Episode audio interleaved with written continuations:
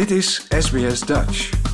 Op sbs.com.au slash Dutch staan nog meer interessante verhalen.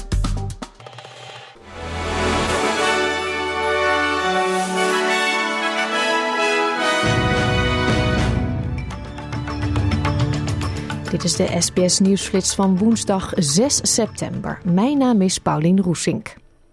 De federale oppositie beschuldigt de regering ervan Qantas te bevooroordelen ten koste van gewone Australiërs. De Senaat zal onderzoek doen naar de reden waarom de regering de aanvraag van Qatar Airways voor meer vluchten naar Australië heeft afgewezen. Deze beslissing die kwam Qantas ten goede. De oppositie diende een motie in om de actie te onderzoeken en die werd met slechts één stemverschil aangenomen door de Senaat. De regering van Anthony Albanese dringt aan op een formeel onderzoek naar de manier waarop Australië de COVID-19-pandemie heeft aangepakt. Verschillende staats- en territoriumregeringen deden al onderzoek naar hun eigen handelen tijdens de pandemie. Een reeks experts en pleitbezorgers deden eerder dit jaar een oproep in de media tot een federaal onderzoek.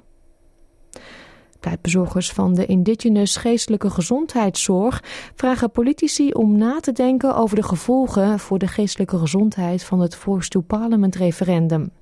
Een groep geestelijke gezondheidszorgorganisaties, waaronder de Australian Indigenous Psychologist Association en de Black Dog Institute, vraagt politici om een zogenaamde Respectful Referendum Pledge te ondertekenen, waarmee ze beloven om een meer menselijk en inclusief gesprek aan te moedigen.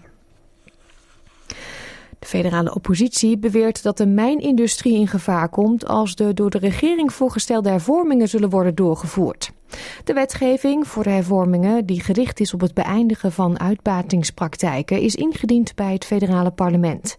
Oppositieleider Peter Dutton zal vandaag later in een toespraak voor de Minerals Council of Australia aangeven dat de oppositie zich tegen de wetgeving zal verzetten, onder meer vanwege dus die mogelijkheid dat het gevolgen zou hebben voor de mijnbouw.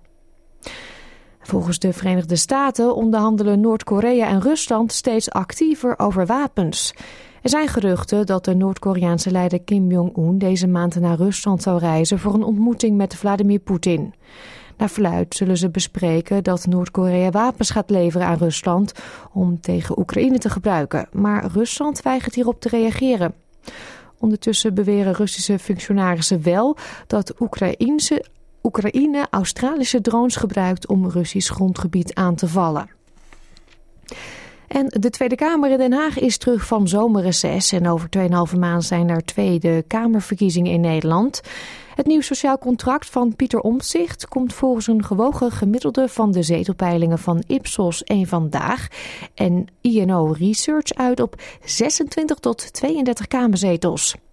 Volgens peilingwijzer zijn de VVD met 22 tot 27 zetels en GroenLinks PVDA met 22 tot 26 zetels de enige partijen die daarbij in de buurt komen. Tot zover deze nieuwsflits. Volg de SBS Dutch podcast voor meer nieuws en achtergronden of bezoek onze website www.sbs.com.au Dutch.